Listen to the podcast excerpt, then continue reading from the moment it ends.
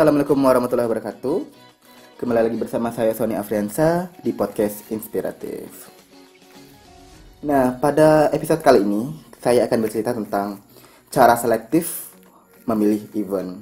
Jadi kalau teman-teman mau ikutin event gitu ya, harus lihat dulu nih poin-poin penting berikut ini.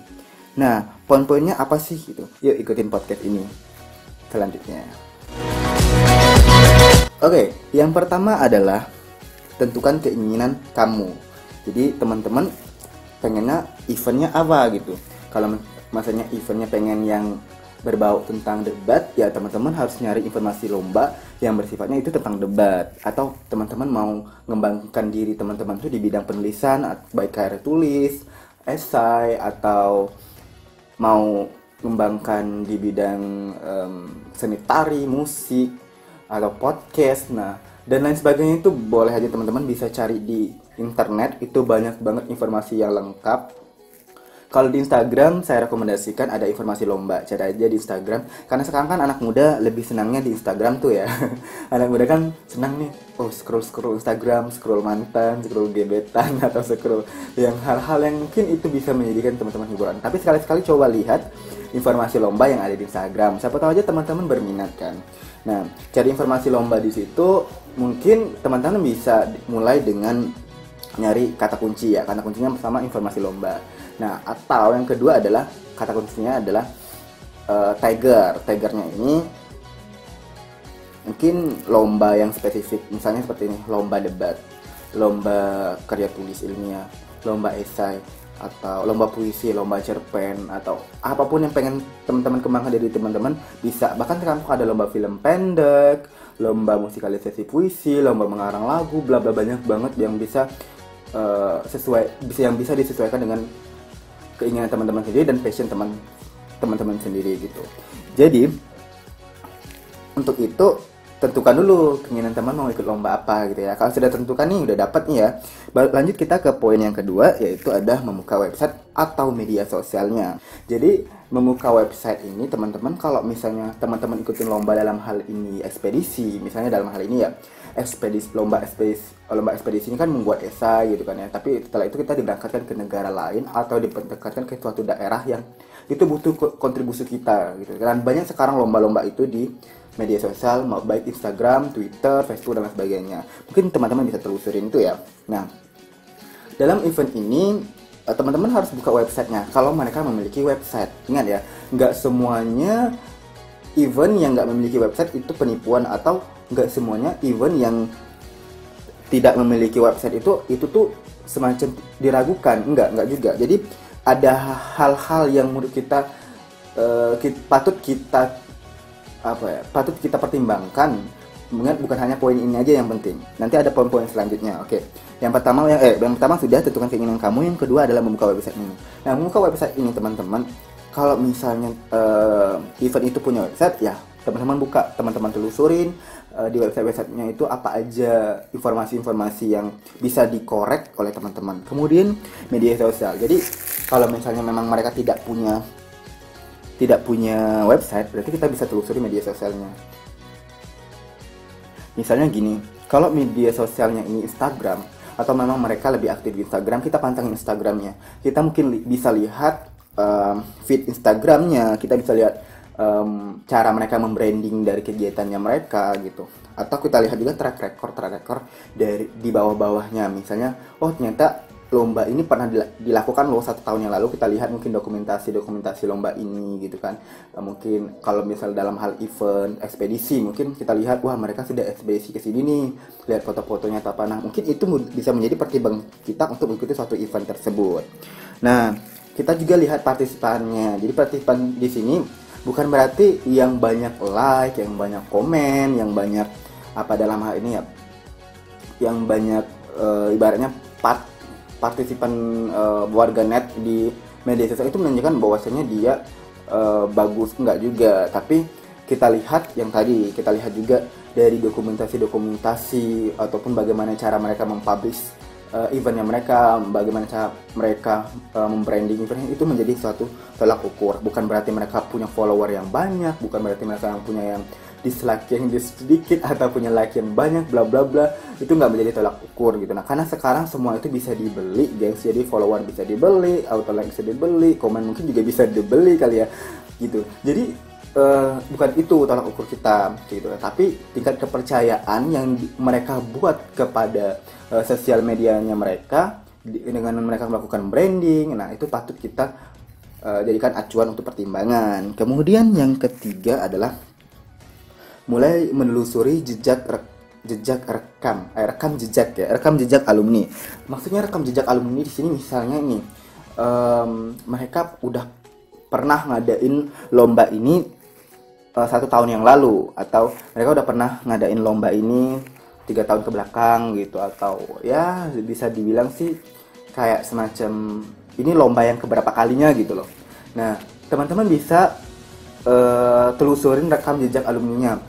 Sekarang itu kita bisa kepoin alumni untuk suatu event itu gitu. Jadi nggak apa ya sekarang itu menurut saya tuh anak milenial lebih lebih tahu sih cara kepoin. Masa kepoin mantan bisa masa kepoin ini sendiri nggak bisa.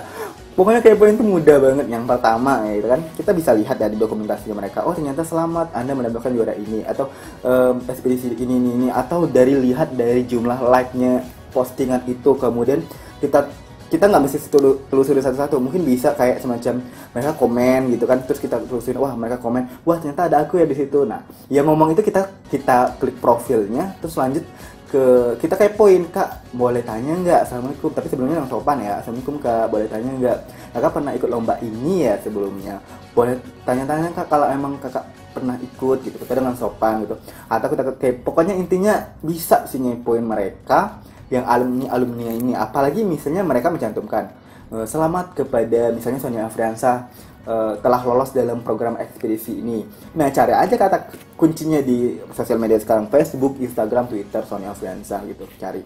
Setelah dicari otomatis dapatkan. Nah mungkin teman-teman bisa kepoin. Kak boleh numpang tanya kakak pernah ikut lomba ini ya ini, ini, ini satu tahun yang lalu. Kak boleh minta tips dan triknya atau gimana?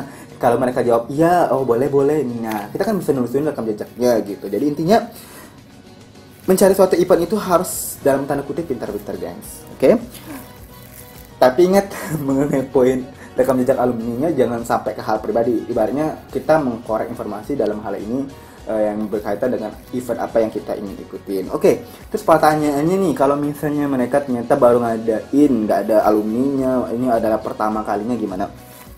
Kalau pertama kalinya, kita kan kita nggak bisa lihat rekam sejak alumninya, kita bisa lihat dari uh, branding sosial medianya tadi yang saya sebutkan, gitu kan. Dan ada poin-poin lain selanjutnya. Oke, okay, poin selanjutnya ada yang keempat adalah coba kontak personal information atau narah hubung. Ini jadi poin penting juga loh, gengs pertama ketika teman-teman di sini mau ikut event itu kan biasanya suatu event itu aneh kalau tidak ada kontak inform atau kontak informasi ataupun yang bisa kita hubungin yang mengetahui event ini lebih dalam gitu loh. Atau dalam hal ini mungkin dia se seorang koordinator acaranya atau humasnya dan lain sebagainya. Itu intinya mereka paham gitu. Kan aneh kalau misalnya mereka nggak cantumkan itu gitu. Minimal walaupun nggak dia mencantumkan narah hubung dia bisa mencantumkan humas sosial medianya kayak gitu. Dan itu bisa kita tanya-tanya kan? Nah kita kontak personal informationnya ini emang seberapa efektif? Gini kita ketahui bahwasanya personal information itu bertujuan untuk menyebarkan informasi. Nah ketika mereka mulai enggak semacam enggak apa ya enggak humble enggak hangat kepada eh, orang-orang uh, yang bertanya tentang eventnya mereka itu kita patut dicurigain gitu dia malah semacam acuh tak acuh terhadap event ini. Ini eventnya patut dipertanyakan. Jadi itu jadi tolak ukur teman-teman juga ketika mau ikut event ekspedisi atau ikut event program ini uh, program itu bla bla bla itu harus coba kontak uh, informationnya. Beda ya geng saya yang pertama beda acuh tak acuh atau beda dengan ini dengan mereka yang uh, sengaja kak diam dulu. Eh, enggak aku tanya dulu ya ke panitia ntar aku kabarin lagi. Itu beda dengan acu tacu acu tacu di sini kan ibaratnya kita bertanya terus dia nggak dijawabnya sampai berminggu-minggu. Terus kita tuh nungguin atau kita telepon di reject ataupun kita tuh nanya event ini seglumit itu. Jadi kita harus kritis juga ya. Kita harus bisa kayak semacam kak event ini gimana? Kak ini eventnya kira-kira uh, biasanya diikuti beberapa peserta boleh boleh juga sih nanya teman-teman nanya itu ya mungkin uh, kak event ini selanjutnya setelah seleksi ini apa aja? Pokoknya teman-teman bisa kepoin terlebih dahulu event tersebut. Artinya teman-teman cari tahu dulu sedalam-dalamnya. Setelah itu udah dapat kira-kira cocok banget teman-teman baru teman-teman ikutin dengan catatan bahwasanya hubungnya emang enak gitu diajak ngomong. Ini ibaratnya dalam hal, ini orang nggak salah pilih nempatin dia narah sebagai narah hubung gitu gengs. Itu ya jadi poin yang keempat. Kemudian poin yang kelima itu ada minta panduan perlombaan atau sejenisnya sih. Gini uh, minta panduan perlombaan ini ini ada perlombaan tertentu aja yang punya panduan seperti lomba debat lomba karya tulis lomba esai. Biasanya itu dia punya panduan tersendiri atau mereka nyantumkan itu di esainya mereka esai. Mereka bisa nyantumkan itu di websitenya mereka. Um, kalau untuk minta panduan perlombaan ini teman-teman bisa tanya ke narah hubungnya tadi ya atau teman-teman bisa download di website atau sosial media yang mereka cantumkan. Biasanya mereka cantumkan link tuh uh, panduan bisa di download di sini gitu kan. Ya ya teman-teman download aja. Dan teman-teman lihat uh, cara mereka membuat panduan tersebut. Itu penting juga.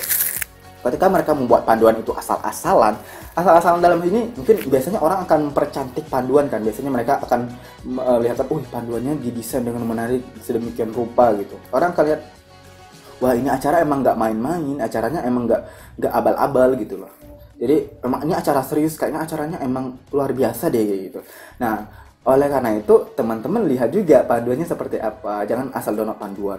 Oh, panduannya pakai Word biasa aja, nggak ada ini. Nah, itu patut dicurigai juga sih sebenarnya. Jadi bukannya dalam hal ini kita pes apa ya? Uh, suzon, tapi emang kita harus wanti-wanti. Karena sekarang banyak banget model penipuan-penipuan. Dalam hal ini penipuan di event juga. Karena kan sekarang nggak tahu ya gengs uh, gimana kok bisa seperti itu.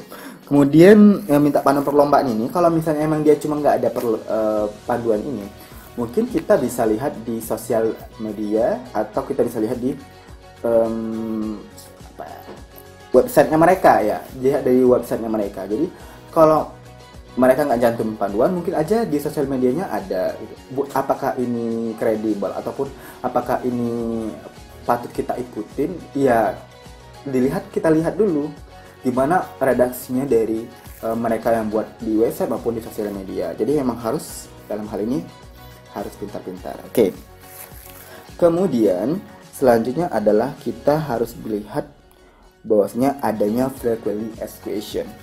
Kita itu harus melihat frequently asked question ini kalau misalnya di apa ya di website itu biasanya ada. Kalau misalnya dalam event-event kementerian event-event kementerian atau event-event yang dalam hal ini dia profesional udah buat website dan dan mereka emang nggak main-main dalam event, membuat event itu maka kita, biasanya dia mereka cantumin frequently asked question. Artinya uh, pertanyaan yang sering muncul gitu kan um, misalnya lomba ini apa sih? gitu kan. Atau dalam hal ini uh, lom gitu, apa itu lomba pidato escinas bla bla bla gitu kan lomba pidato escinas adalah bla bla bla mereka tuh kayak nanya nanya sendiri jawab sendiri biasanya itu yang yang kita perlu juga lihat Wah, dari situ kita paham informasi-informasinya.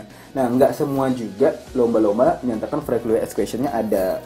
Tapi biasanya hanya program-program event-event yang kayak event-event social development atau event-event pengabdian gitu kan.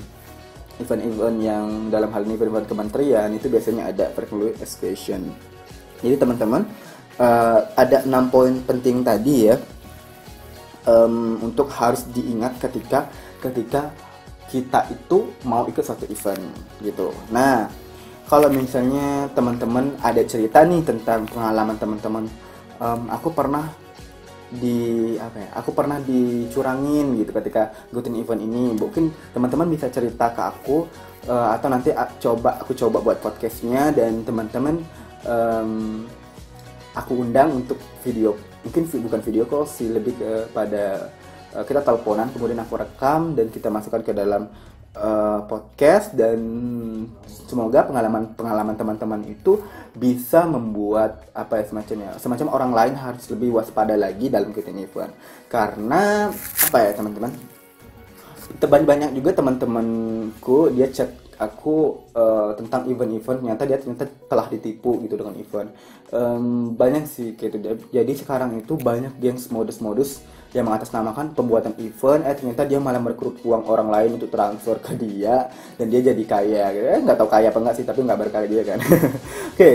aku nggak ngomong keberkahan atau apa geng itu bukan ranah dalam podcast kali ini.